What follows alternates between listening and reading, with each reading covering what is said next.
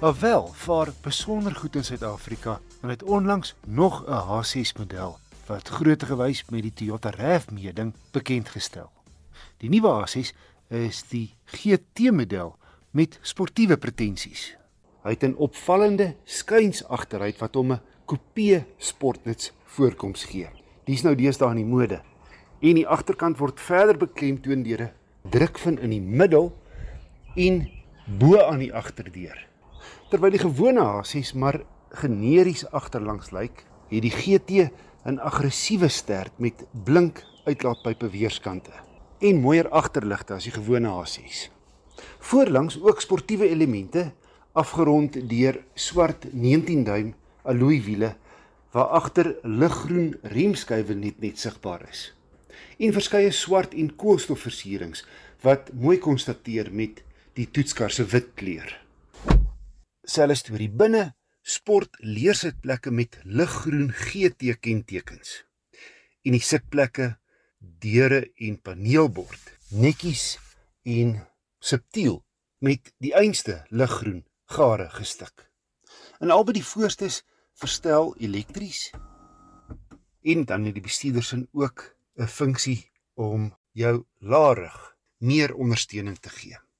Die GT kom met die H6 se luukste afwerking, super luxury. En jy kry inderdaad baie toerusting teen sy prys van anderkant 600 000 rand. Soos 'n sondak en die agterste deur maak met die druk van 'n knop oop. En toe. Spasie is regtig indrukwekkend vir die insittendes.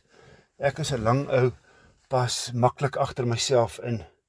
Die bagasiebak se ruimte is nie sleg nie tot en met die bagasiedeksel. Bo die bagasiedeksel het die skuins agteruit egter 'n impak. So as jy nou baie bagasie wil inpak met groot tasse regop gepak, dan het die coupe-agtige agteruit wel 'n invloed op die hoeveelheid spasie beskikbaar. Ander geriefsitems in die H6 GT sluit in 'n draadloose laastasie vir jou selfoon, die sitplekke kan verhit en die hoë tegnologie kajuit het 'n futuristiese gevoel met 'n digitale veranderbare instrumentpaneel agter die stuur en 'n nog groter digitale inligting en vermaakskerm sentraal geleë.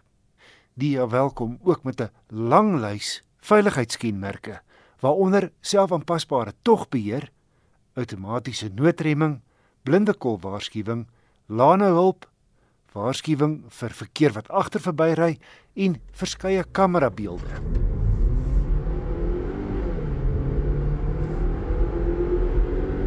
Die 2 liter petrol turbo gekoppel aan 'n 7-spoed dubbelkoppelaar outomaties skop 'n lewendige 155 kW en 325 Nm uit. Die Citizen Courant het 0 na 100 in 'n flinke 8,3 sekondes afgelê. Hy het selfs 'n race modus wat die stuur stywer maak, die digitale paneelbord gee 'n groot toereteller, die klankbaan klink soos 'n GT en die toere word 'n hele end hoor gehou. Negatiefs. Hy's maar swaar op die sous. My gemiddelde verbruik op my standaard stad en ooppadroete was 9,9 liter per 100 km.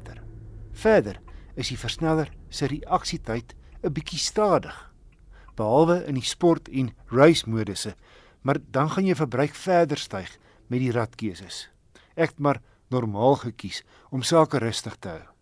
Dan sou ek graag meer tradisionele ventilasiekontroles wou hê. Die sentrale skerm beheer selfs die basiese funksies wat verstellings stadig maak en die aandag van die pad lei. Maar in geheel gesien beïndruk alwel se H6 GT4 trek teen 630 000 rand met sy voorkoms moderne en praktiese binneruim, goeie aanvoelbare kwaliteit, hoë vlak van toerusting en stewige waarborg en diensplan.